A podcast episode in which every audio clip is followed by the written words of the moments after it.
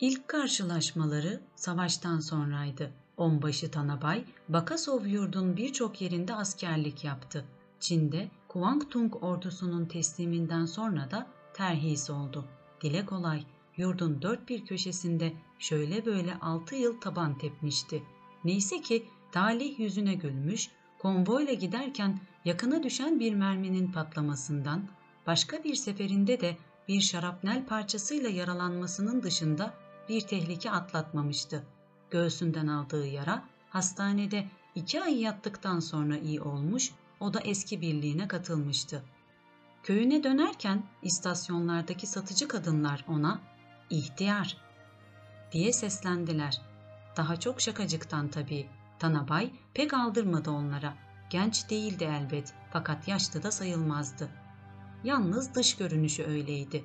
Savaşta rengi bir hayli koyulaşmış, bıyıklarına kır düşmüştü. Oysa bedence ve ruhça dinçti. Bir yıl sonra karısı bir kız doğurdu. Ertesi yıl ikincisini. Şimdi ikisi de evliydiler. Çocukları vardı. Yaz gelince sık sık yoklarlardı onları. Büyük kızın kocası şofördü. Kamyonun arkasına çoluğu çocuğu doldurduğu gibi doğruca yaylanın yolunu tutardı. Doğrusu kızlarından, güveylerinden memnundular. Yalnız oğlan iyi çıkmamıştı. Neyse, bunun sırası değildi şimdi. Zafer dönüşü asıl yaşamın yeni yeni başladığı sevinci kaplamıştı yüreğini. Büyük istasyonlardan bandolarla karşılanıp uğurlanıyorlardı. Evde onu bekleyen bir karısı, 8 yaşlarında bir oğlu vardı. Çocuk neredeyse okula gidecekti. Trende giderken içinde yeniden dünyaya gelmiş gibi bir duygu vardı. O zamana kadarki yaşamını hiç hesaba katmıyordu. Eskiden olanları unutup yalnız geleceği düşünmekten başka bir istediği yoktu. Gelecek öylesine aydınlıktı ki her şeyi apaçık görüyordu. Çocuk yetiştirecek, ev bark edinecek, tarla işleriyle uğraşacak. Kısacası yaşayacaktı. Onun için karşısına hiçbir engel çıkmamalıydı. O zamana kadarki yaşamı dört gözle bekledikleri gerçek yaşam için konmuş gibiydi. O gerçek yaşam ki uğruna savaşta can vermişler, sonunda zaferle dönmüşlerdi. Ancak Tanabay çok acele ettiğini anlamakta gecikmedi. Geleceğe rehin olarak daha birçok yılını vermesi gerekiyordu. Önce demirci dükkanında çekiç sallamakla başladı. Bir zamanlardan edindiği alışkanlıkla örsün başına geçince işe öyle hevesle sarıldı ki sabahtan akşama dek çekiç savurduğu halde ustası kızgın demiri örsün üstünde çevirmeye yetişemezdi. Şimdi bile bazı zamanlar insanın kafasında tasa, düşünce bırakmayan o tak takları duyar gibi olur. Ekmek kıttı, üstleri başları yoktu. Kadınlar çıplak ayaklarına lastik giyip dolaşırlardı dışarıda. Kooperatif çiftlikleri gırtlağa kadar borç içindeydi. Çocuklar şeker nedir bilmezlerdi. Bankalardaki hesaplarına el konmuştu. Tanabay bütün bu düşünceleri çekiç takırtılarıyla kovardı kafasından. Çekici savurdukça örs çınlar, sağa sola mavi kıvılcımlar saçardı. Her iniş kalkışta hıh hıh diyerek derinden solur. Hepsi düzelir bunların. En önemlisi düşmanı yendik ya diye düşünürdü. Vuruçlarına düşünceleri de uyardı en sonunda. Düşmanı yendik, yendik, yendik. Yalnız Tanabay değil, o günlerde herkes ekmekle yaşar gibi yaşıyordu zaferin coşkunluğuyla. Sonra yılkıcılığa başlamış, yaylaya çıkmıştı. Onu kandıran Çoro'ydu. Rahmetli Çoro, çiftlik başkanıydı o zaman. Savaş süresince bu görevi o yürütmüştü. Kalbinden rahatsız olduğu için çüreye çıkmış, askere alınmamıştı. Adam köyünden dışarı pek çıkmamıştı ama gene de hayli yıpranmıştı. Tanabay savaştan döner dönmez fark etti bunu. Bir başkası olsa demirci dükkanını bırakıp yılkının başına geçmesi için aklını çelemezdi onun. Gel gelelim Çoro eski arkadaşıydı. Bir zamanlar parti gençlik kolundayken herkesi kooperatif çiftliğine üye yazmak işiyle birlikte uğraşmışlar. Toprak ağlarının çanına ot tıkamışlardı. Tanabay en çok koşturanlarıydı. Malı elinden alınacak listesine giren toprak ağlarının gözünün yaşına bakmazdı. Çoro onu kandırmak için demirci dükkanına gelmişti. Giriştiği işten çok memnundu. gülümsüyordu. Korkarım şu çekice kötü alıştın, dedi. Elinden bırakmayacağı benzersin. Hastalıklı, sıska bir adamdı. Boynu incelmiş, çökük avurtları kırışıklar içinde kalmıştı. Havalar soğumamıştı daha fakat Çoro yazın bile kazağını çıkarmazdı sırtından.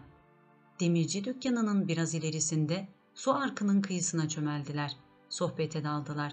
Tanabay, Çoro'nun gençlik günlerini anımsadı.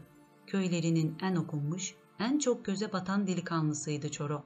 Ağırbaşlı, iyi huylu oluşundan dolayı onu sevmeyen yok gibiydi. Fakat onun bu yumuşak başlılığı Tanabay'ın hiç hoşuna gitmezdi. Toplantılarda birden ayağa fırlar, düşman sınıfa karşı verdikleri savaşta arkadaşını yufka yüreklilikle suçlayarak veryansın ederdi. Doğrusu iyi de becerirdi bu işi. Yüksek sesle yapılan gazete okuma saatlerinden kaptıklarını su gibi tekrarlardı. Bazen ağzından çıkanlar onu bile korkuya düşürürdü. Böylesine kıyasıya eleştirirdi Çoro'yu. Üç gün önce yayladaydım diye anlatmaya başladı Çoro. İhtiyarlar bütün askerlerin cepheden dönüp dönmediğini sordular. Ben de sağ kalanların hepsi döndüler dedim. Öyleyse ne zaman işe başlayacaklar? sorusuyla karşılaştım. Herkes bir işte, kimi tarlada, kimi yapı işlerinde, kimi şurada, kimi burada çalışıyor dedim. Bunu biz de biliyoruz. Peki yılkıları kim güdecek yoksa bizim ölmemizi mi bekliyorlar? Zaten şurada kaç günlük ömrümüz kaldı? Dediler bu sefer. Utancımdan yerin dibine girdim. Lafın nereye varacağını biliyorsun. Biz bu yaşlı insanları savaş sırasında yılkı çobanı olarak yaylaya gönderdik. O gün bugün oradalar adamlar. Yılkıcılığın yaşlı insanların kıvıracağı bir iş olmadığını sana anlatacak değilim. At sırtından inmezler. Ne geceleri bellidir ne gündüzleri. Hele kış geceleri ayrı bir dert. Derviş bayın at sırtında donması olayını anımsar mısın? Bilmem. Adamlar ayrıca at eğitimiyle de uğraştılar. Ordu yetişmiş at istiyordu. At yetiştirmek değil, iblisi eğere vurmaktır bu iş. Yetmişinde bir adam attan düşse kemiklerini toplayıp bir araya getiremezsin. Onun için bugüne dek dayandıkları için onlara ne kadar teşekkür etsek azdır. Askerler dönmesine döndüler. Ama yabancı ülkelerde görgüleri arttı diye sığırtmaçlığı beğenmiyorlar. Burun kıvırıyorlar. Dağlarda, taşlarda dolaşmak için mi dönmüşler yurda? Akıllarındaki bu. Onun için bizi kurtar Tanabay. Sen gidersen başkalarını da zorlarız. Peki, dedi Tanabay. Karımla görüşeyim bir yol. Bakalım o ne diyecek. Bunları söylerken aklından şunları geçiriyordu. Fırtınalı günler geçirdik ama sen hiç değişmedin Çoro. İyiliğinden mum gibi eriyorsun. Kim bilir belki böylesi daha doğrudur. Savaşta bunca sıkıntı gördükten sonra biraz yufka yürekli olmalıyız. En doğrusu da budur belki. Böylece konuşmaları bitmişti. Tanabay demirci dükkanına doğru yürüdüğü sırada Çoro arkasından seslendi. Dur biraz Tanabay. Atıyla yanına yürüdü. Eğerin üstünden eğilerek arkadaşının yüzüne baktı. Sakın ola ki gücenmeyesin bana, dedi Çoro alçak sesle. Zamanı bir türlü ayarlayamıyorum. Seninle şöyle baş başa verip dostça içimi dökmeyi öyle istiyorum ki. Görüşmeyeli kaç yıl oldu. Savaş bitti, yaşam kolaylaşacak derken zorluklar daha da arttı. Geceleri gözümü kırpmadığım zamanlar oluyor. Kafamın içi bin türlü düşünceyle dolu. Nasıl etsek de çiftliği kalkındırsak, halkı doyursak, planı gerçekleştirsek diye gece gündüz durmadan düşünüyorum. İnsanlar çok değişti. Daha iyi bir yaşam istiyorlar. Fakat iki dost karşılıklı oturup doya doya konuşmak fırsatını bir türlü elde edemediler. Zaman hızla geçiyordu. Bir gün geldi ki ahbapça konuşmaya bile geç kaldıklarını anladılar. Tanabay bir buçuk yaşındaki Kulatay'ı ilk kez yılkıcı göreviyle yaylaya çıktığı sırada ihtiyar Torgoy'un yılkısında gördü. Atlar açık tavladan teker teker çıkarılarak sayıldı. Sayım bitince Tanabay yaşlı sırtmaca takıldı. İhtiyar, bana iyi bir miras bırakmışa benzemiyorsun. Yılkın göz doldurmuyor. Torgoy, bumburuşuk yüzünde tek kıl bulunmayan, ufak tefek kuru bir adamdı.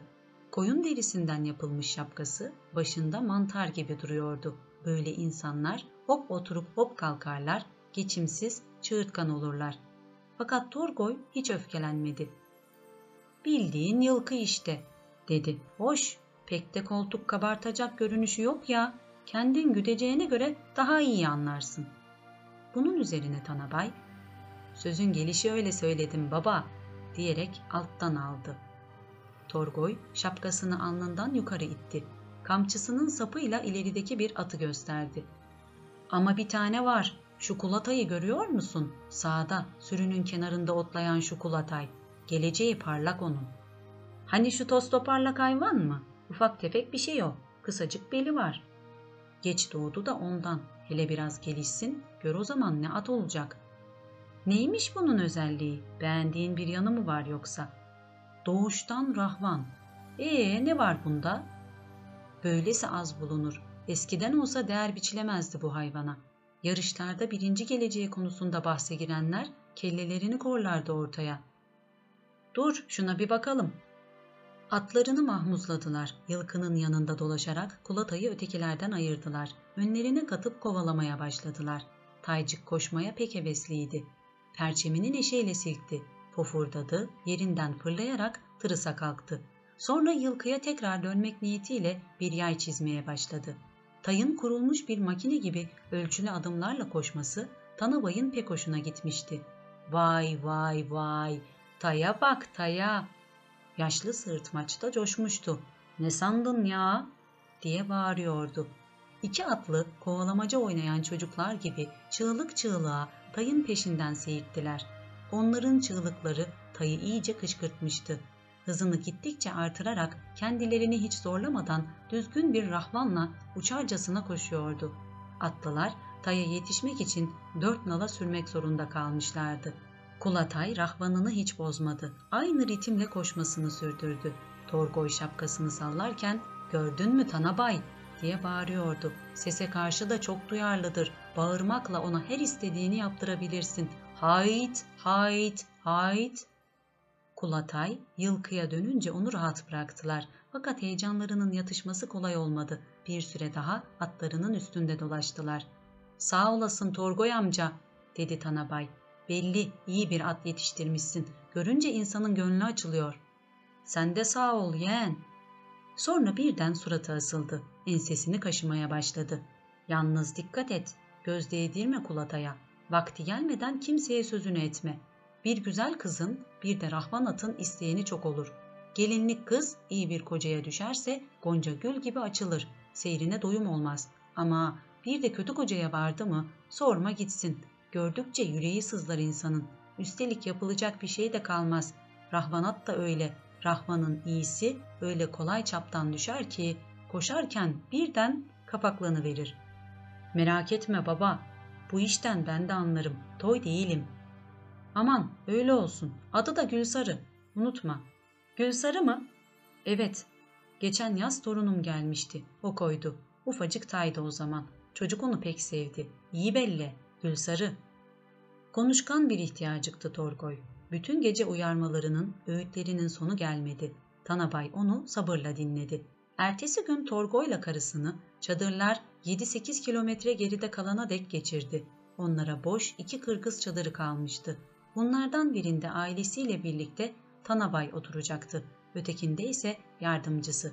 Fakat şimdilik yardımcı verilmediği için yılkının başında yalnız o bekleyecekti. Torgoy ayrılırken bir daha uyardı. Kulataya şimdilik el sürme, kimseye de teslim etme. Baharda kendi elinle eğitirsin onu. Yalnız çok dikkat et. Eğer vurur vurmaz zorlama hayvanı. Birden hızlı koşturayım dersen rahmanını bozar, yazık edersin. Hele ilk günler sakın terli terli su içirme. Sonra diz kapaklarına su yürür, ağrılanır. Ölmez, sağ kalırsak yetiştirdiğin atı görürüz. Torgo'yla yaşlı karısı bir deve yükü kapkacaklarını aldıktan sonra Tanaba'ya bir sürü at, bir çadır, birçok dağ bayır bırakarak çektiler gittiler. Gülsarı bilebilir miydi kendisi hakkında bunca şey konuşulduğunu? İleride herkesin diline düşeceğini, sonunun ne olacağını bilebilir miydi? Eskisi gibi yılkının içinde bütün başıboşluğuyla koşturmasına devam etti. Çevresinde gene aynı dağlar, aynı çadırlar, aynı dereler vardı. Değişen tek şey yılkıyı güden ihtiyarın gitmesi, yerine boz kaputlu, asker kasketli genç birinin gelmesiydi. Yeni sahibinin sesi biraz bozuktu ama gürdü, buyurucuydu. Yılkı yeni sığırtmaca hemencecik alıştı. Çevresinde istediği kadar at koşturmasına aldırmaz oldu. Sonra kar yağmaya başladı. Sık sık yağıyor, düştüğü yerde kalıyordu. Ot bulabilmek için karı toynaklarıyla eşeliyorlardı atlar. Genç sığırtmacın rüzgardan yüzü karardı, elleri sertleşti. Ayaklarına keçe çizmeler, sırtına uzun bir kürk geçirdi. Her ne kadar Gülsarı'nın tüyleri uzadıysa da gene üşüyordu. Hele geceleri çok. Geceleri ayaz çıkınca atlar kuytu bir köşede birbirlerine böğür böğürüne giriyorlar, tepeden tırnağa kırağı içinde güneş doğuncaya dek bekliyorlardı. Yeni sığırtmaç bir an olsun ayrılmıyordu başlarından. Atının üstünde durmadan geziniyor, ellik içindeki ellerini birbirine vururken ikide bir de yüzünü ovalıyordu. Arada bir uzaklaştığı da oluyordu. Gel gelelim atlar bundan hiç hoşlanmıyorlardı. Genç sığırtmaç boğuk sesiyle bağırınca ya da boğazını temizlerken başlarını silkeleyerek kulaklarını dikip bakıyorlardı. Ve onu hemen yanlarında görünce gece rüzgarın ıslığını, hışırtısını dinleye dinleye huzur içinde uyukluyorlardı. Tanabay'ın o kış Gülsarı'nın belleğinde yer eden sesi bir daha silinmedi. Bir gece yaylada kar fırtınası çıktı. İğne gibi ince bir kar atların yelelerine yapışıyor, kuyruklarını ağırlaştırıyor, göz çukurlarını dolduruyordu. Yılkının bütün huzuru kaçmıştı. Atlar birbirlerine iyice sokuldukları halde tir tir titriyorlardı. Yaşlı kısraklar taylarını yılkının ortasına kaçırmak için hırıltıyla kişnemeye başladılar. Bu arada Gülsarı kümenin dışına atılmıştı. Nedenle uğraştıysa da içeri bir daha giremedi. Bunun üzerine çifte atmaya, öteki atları itip kalkmaya başladı. Fakat bu sefer de ta kenara sürüldü. O sırada yılkı başı aygırından esaslı bir tekme yedi. Sürünün baş aygırı Bora çıkalı beri yılkının çevresinde pır dönüyor, güçlü bacaklarıyla karı harmanlayarak atları bir araya toplamaya çalışıyordu. Aygır'ın arada bir başını tehdit edercesine önüne eğip kulaklarını yatırarak yılkıdan uzaklaştığını, karanlıkta bir süre gözden kaybolduktan sonra öfkeli öfkeli pofurdayarak hışımla onlara doğru seyittiğini görüyorlardı. Sürüye hızla yaklaştığı bir sırada Gülsarı'nın dışarı çıktığını fark eden Aygır onu göğüsleyerek içeriye itti. Sonra arkasını dönüp böğrüne olanca gücüyle bir çifte savurdu. Çok acı bir tekmeydi bu. Gülsarı soluğunun kesildiğini sandı. İçinde bir şey kopmuş gibi cız etti. Acıya dayanamayarak inledi. Ayakta güçlükle durabildi. Bir daha başına buyruk olur musun? Böğründe dayanılmaz bir sızı ve aygıra karşı duyduğu kırgınlıkla yılkının kenarında sessizce durdu Gülsarı. Atlar tam sakinleşmişlerdi ki belli belirsiz uzun bir uluma duydular. Gülsarı daha önce kurt uluması nedir işitmemişti. Birden ürperdi, dona kaldı. Öteki atlar da kulak kesilmişler, ürpererek dinliyorlardı. Yılkıdan çıt çıkmıyordu. Fakat korku dolu bir sessizlikti bu. Kar habire yağıyor, Gülsarı'nın ileri çıkmış başına hışır hışır dökülüyordu. Sahipleri nereye gitmişti? O sırada öyle istiyorlardı ki onu görmeyi. Bari sesini duysalar, kürkünün is sinmiş kokusunu alabilselerdi. Ama yoktu işte. Gülsarı bir ara göz ucuyla yana doğru baktı ve korkudan dona kaldı. Karanlıkta bir gölge karlara sürünerek geçip gitmişti. Gülsarı irkildi. Onunla birlikte bütün yılkı gürültüyle yekindi.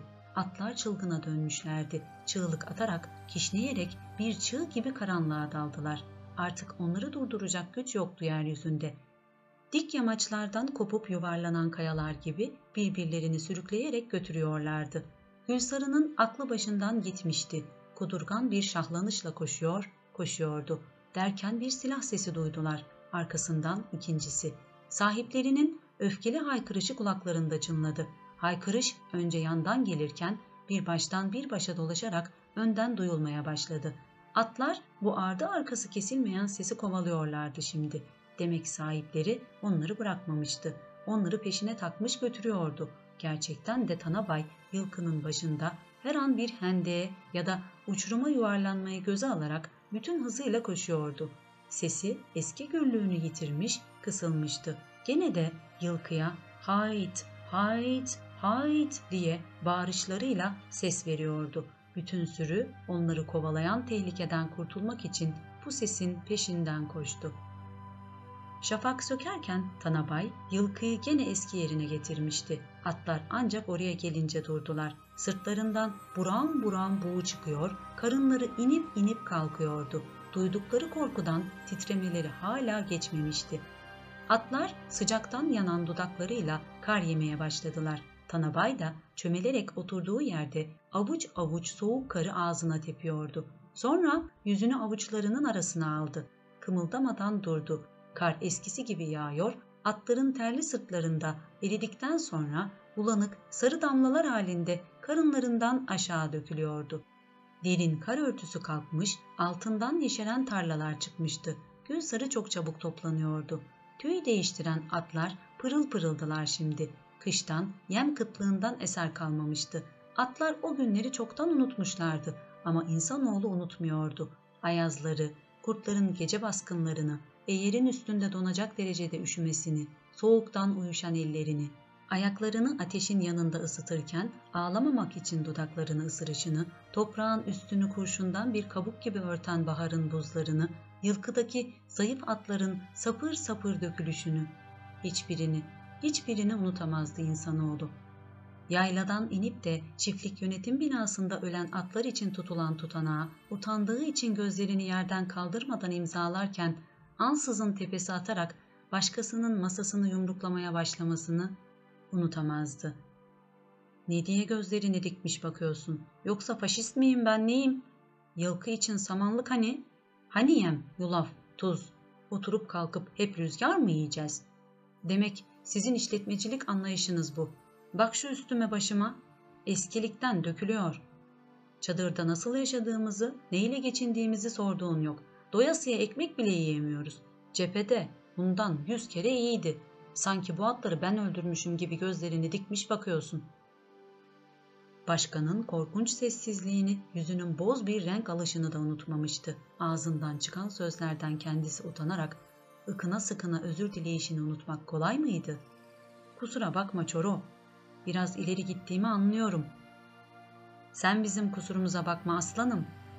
Başkan ambar sorumlusu kadını çağırıp da sığırtmaca beş kilo un ver dediği zaman yerin dibine geçmişti. Kadın e, ya çocuk yuvası ne olacak diye diretmişti. Hangi çocuk yuvası? Sen de her şeyi birbirine karıştırırsın. Ver diyorum sana. Çok geçmeden süt çıkacağını, sütten bol bol kımız yapıp içeceğini umduğu için Tanabay, Çoru'nun önerisini geri çevirmek istediyse de onun insanın içine burkan yalanını fark ederek sesini kesmişti. Karısının bu undan yaptığı erişteden her ağzı yanışta kaşığı fırlatmıştı Tanabay. Niyetin beni haşlamak mı karı?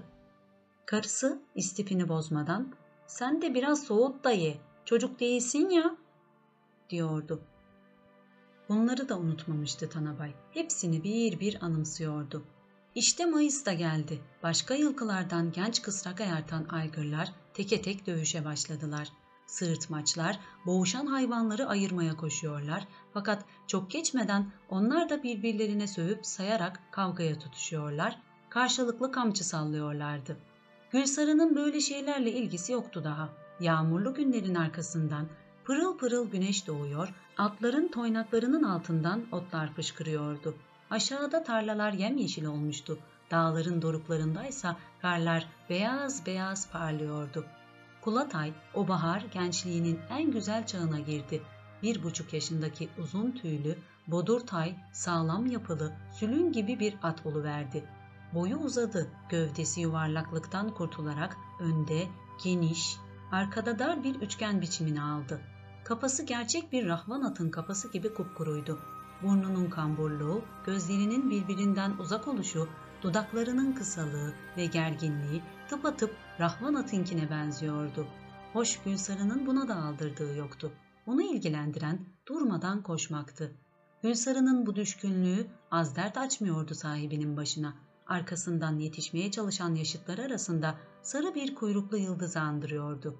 İçinde tükenmez bir güç onu yokuş aşağı, yokuş yukarı, derelerden, tepelerden, dik yamaçlardan, taşlı ırmak kıyılarından durmadan kovalıyor gibiydi. derin uykuya daldığı yıldızlı gecelerde dahi ayakları altından toprağın kaçışını, rüzgarın yelesinde kulaklarında ıslık çalışını, toynaklarının yerde kütürdeyerek çınlayışını düşünde görürdü. Sahibine karşı tutumu, kendisini doğrudan doğruya ilgilendirmeyen öteki şeylere karşı tutumunun aynıydı. Onu sevdiği söylenemezdi fakat ona karşı herhangi bir düşmanlıkta beslemiyordu. Çünkü Tanabay onları hiç sıkmazdı.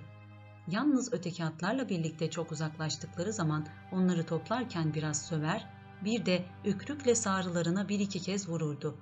Kula at, ükrük acıttığından değil de daha çok ürktüğü için ok gibi fırlardı yerinden. Gülsarı yılkıya katılana dek nedenli hızlı koşarsa arkasından ükrükle kovalayan sahibinin o denli çok hoşuna giderdi. Hoşa gittiğini sahibinin bağırıp çağırmasından, arkasından at koştururken türkü söylemesinden anlardı. Böyle zamanlarda sahibine ısınırdı. Gülsarı o türkü söylerken koşmayı severdi. Sonra bu türkülerin hepsini de tanımaya başladı. Çeşit çeşitli türküler. Neşelisi, kederlisi vardı. Uzunu, kısası vardı. Sözlüsü, sözsüzü vardı. Sevdiği başka bir şey de sahibinin onlara tuz yalatmasıydı. Kazıklar üstüne oturtulmuş uzun ağaç teknelerde önlerine kaya tuzu parçaları atardı. Onlar için büyük bir zevkti tuz yalamak. Tuzun başına hepsi birden üşüşürlerdi. Gülsarı'nın yakalanması işte böyle bir tuz yalama sırasında oldu. Bir gün Tanabay boş bir kovaya vurarak po, po, po diye seslendi. Nerede var, nerede yok bütün atlar teknelerin başına toplandılar. Tanabay'la yardımcısı ellerinde ükrüklerle yılkının çevresine dolaşırlarken öteki atlarla birlikte tuz yalayan Gülsarı hiçbir şeyden kuşkulanmadı. Çünkü onun için dolaşmıyorlardı nasıl olsa. Onlar ükrükle binek atı, süt kısrağı yakalarlardı. Onun gibisini değil. Başına buyruktu çünkü o. Derken kıldan örülmüş ilmik başından kayarak boynuna geçti birden. Gülsarı ne olduğunu anlamadı. İlmikten korkmadığı için tuz yalamayı sürdürdü. Başka atlar olsa boyunlarından ükrük geçince şaha kalkarlar, kendilerini yerden yere çalarlardı. Oysa Gülsarı'nın kılı bile kıpırdamadı. Bir süre sonra su içmek istedi. Irmağa koşmak için yılkının arasından kendine yol açmaya başladı. Aa, o da nesi? Boynundaki ilmik gittikçe gerginleşiyor, bırakmıyordu onu. Böyle şey hiç başına gelmemişti. Gülsarı başını arkaya attı. Gözleri yuvalarından oynarken hırladı. Şaha kalktı. Çevresindeki bütün atlar bir anda kaçışmışlardı. Şimdi onu kıl kementle tutan insanlarla karşı karşıyaydı. En önde sahibi duruyordu. Onun arkasındaysa yardımcısı Sırtmaç. Bir süre önce çadırlara gelen, geldikleri günden beri yılkının çevresinde at koşturmalarıyla Gülsarı'yı canından bezdiren çocuklar da oradaydı.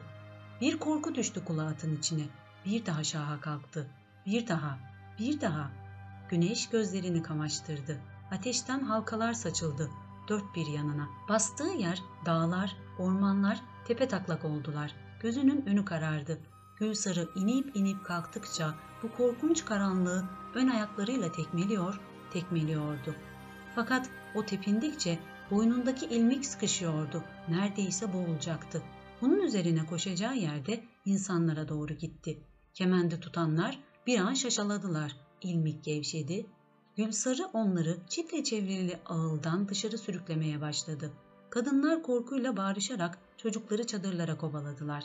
Ne var ki yılkıcılar ayağa kalkmışlar. İlmik gene boynuna oturmuştu.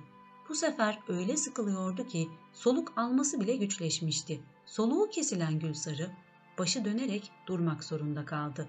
Sahibi kemendi gevşetti. Yandan yaklaşmaya başladı. Gülsarı onu bir gözüyle görüyordu. Yüzü gözü bere içindeydi. Elbisesi yırtılmıştı adamın.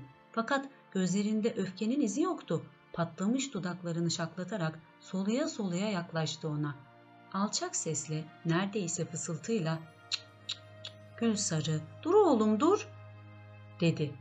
Onun arkasından yardımcısı yaklaşıyordu. Çok tedbirliydi. Kemendi boşlamamıştı. Sahibi yanına gelince elini uzatıp başını okşadı. Sonra geriye dönmeden yardımcısına ''Yular'' dedi kısaca. Bir iki yuları uzattı. ''Dur Gülsarı, dur aslanım'' diyerek gözlerini eliyle kapatıp yuları başına geçiriverdi sahibi. Şimdi sıra gem takıp eğer vurmaya geliyordu. Vular başına geçince Gülsarı hırladı. Geriye doğru yekindi. Fakat sahibi elini çabuk tutup üst dudağından yakaladı onu. Kelepçe! diye bağırdı yardımcısına. Beriki gene koştu. Elindeki kayıştan yapılmış kelepçeyi atın dudağından geçirerek kıvırmaya başladı. Kula at duyduğu acıdan arka ayaklarının üstüne çöktü. Artık direnmiyordu. Soğuk demir kantarma dişlerine çarparak takırdadı. Ağzının boşluğuna oturdu. O sırada sırtına bir şeyler attılar. Göğsünden, karnından geçirdikleri kayışları çeke çeke sıkıştırdılar. Hayvancağız bir o yana, bir bu yana sallanıyordu onlar çektikçe. Fakat bunların hiçbir önemi yoktu. Onun bütün derdi dudaklarındaki dayanılmaz acıydı. Gözleri yuvalarından uğradı. Ne kıpırdayabiliyor ne de soluk alabiliyordu. Sahibinin ne zaman ve nasıl sırtına atladığını bile anlamadı. Ancak dudağındaki kelepçeyi çözdüklerinde aklı başına gelebildi. Her yanından bağlanmış, üstüne bir ağırlık çökmüş olarak hiçbir şey anlamadan öylece birkaç saniye durdu. Sonra göz ucuyla sırtındaki adamı gördü ansızın. Ürkerek ileri fırladı. Fakat gem ağzını yırtacak gibi oldu. Üstündeki adam ayaklarını böğürlerine sımsıkı yapıştırdı. Kula at şaha kalktı. Bütün öfkesiyle avazı çıktığınca kişnedi. Arka ayaklarıyla çifte savurarak oradan oraya sıçradı. Onu sıkan şeylerin hepsini birden üstünden silkip atmak için bütün gücüyle yana doğru fırladı. Fakat öteki adamın atına binerek özengisine bağladığı kement bırakmadı onu. Bunun üzerine çember çizerek dönmeye başladı Gülsarı.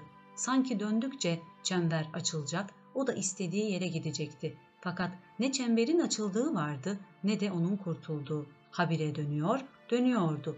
İnsanoğlunun da istediği buydu zaten. Sahibi kamçısını durmadan şaplatıyor, ökçesiyle böğürlerine dürtüyordu. Gene de Gülsarı onu iki kez sırtından atabildi. Fakat bir iki ikisinde de kalkıp üstüne bindi. Hayli zaman böyle geçti. Başı dönmeye başladı Gülsarı'nın. Çevresindeki toprak, çadırlar, dört bir yana dağılan atlar, dağlar, bulutlar, hepsi, hepsi pırıl pırıl dönüyordu. Gülsarı yorulmuştu. Koşmayı bırakarak yürümeye başladı. Öyle de susamıştı ki. Fakat su vermediler ona. Kolanını biraz gevşettikten sonra ayakta durması için bir köşeye bağladılar. Gemin uçlarını eğerin kaşına öyle kısa sarmışlardı ki hayvancağız başını dimdik ve düzgün tutmak zorundaydı. Bu da onun yatmasını engelliyordu. Üzengiler de aynı biçimde eğerin kaşına takılmıştı. Böylece sabaha dek ayakta uslu uslu dikildi. Ne akıl almaz şeyler gelmişti başına. Bir türlü inanamıyordu Gülsarı. Ağzındaki gem çok rahatsız ediciydi. Azıcık kımıldansa korkunç bir acı veriyordu. Sonra demirin tadı da çekilecek gibi değildi. Kantarmanın oturduğu boşluk şişerek patlamıştı. Kayışların sürttüğü yerlerse cayır cayır yanıyordu. Bellemenin altında sızım sızım sızıyordu sırtı. Canı da öyle su içmek istiyordu ki ırmağın çağlamasını duydukça susuzluğu daha çok artıyordu. Her zamanki gibi gene ırmağın ötesindeydi yılkı. Atların ayak seslerini, kişnemelerini, sığırtmaçların bağırmalarını duyuyordu. Çadırların yanında dinlenen insanlar vardı. Çocuklar köpek gibi havlayarak köpekleri kızdırıyorlardı. Fakat hiçbirinin aldırdığı yoktu ona. Orada tek başına dikiliyor, dikiliyordu. Sonra ay çıktı. Dağlar karanlıktan sıyrılarak sarı ışığın altında sessiz sessiz salınmaya başladılar. Yere inecekmiş gibi alçalan yıldızların parlaklığı gittikçe artıyordu. Gülsarı yerine çakılmışçasına kımıltısızdı. Fakat birinin onu aradığını anladı. Birlikte doğup büyüdükleri, anlı akıtmalı, ufak tefek doru kısrağın kişnemesini işitmişti. Onunla koşmayı öyle severdi ki aygırlar peşinden dolaşmaya başlamışlardı. Gel gelelim hiçbirine yüz vermez, Gülsarı ile birlikte onlardan kaçardı. Doru kısrak ergenlik çağına gelmişti. Gülsarı da öteki aygırların niyet ettikleri şeyi yapacak yaşta değildi. İşte çok yakınlarda kişnedi Doru kısrak. Gülsarı onun sesini şimdi iyice tanımıştı. Kişnemeye karşılık vermek istediyse de şişmiş, zedelenmiş ağzını açmaktan korktu. Çünkü ağrısı dayanılacak gibi değildi. Fakat küçük kısrak araya araya buldu onu. Yıldız biçimindeki akıtması ay ışığında parlayarak Kısa adımlarla koştu geldi. Kuyruğu, bacakları ıslaktı.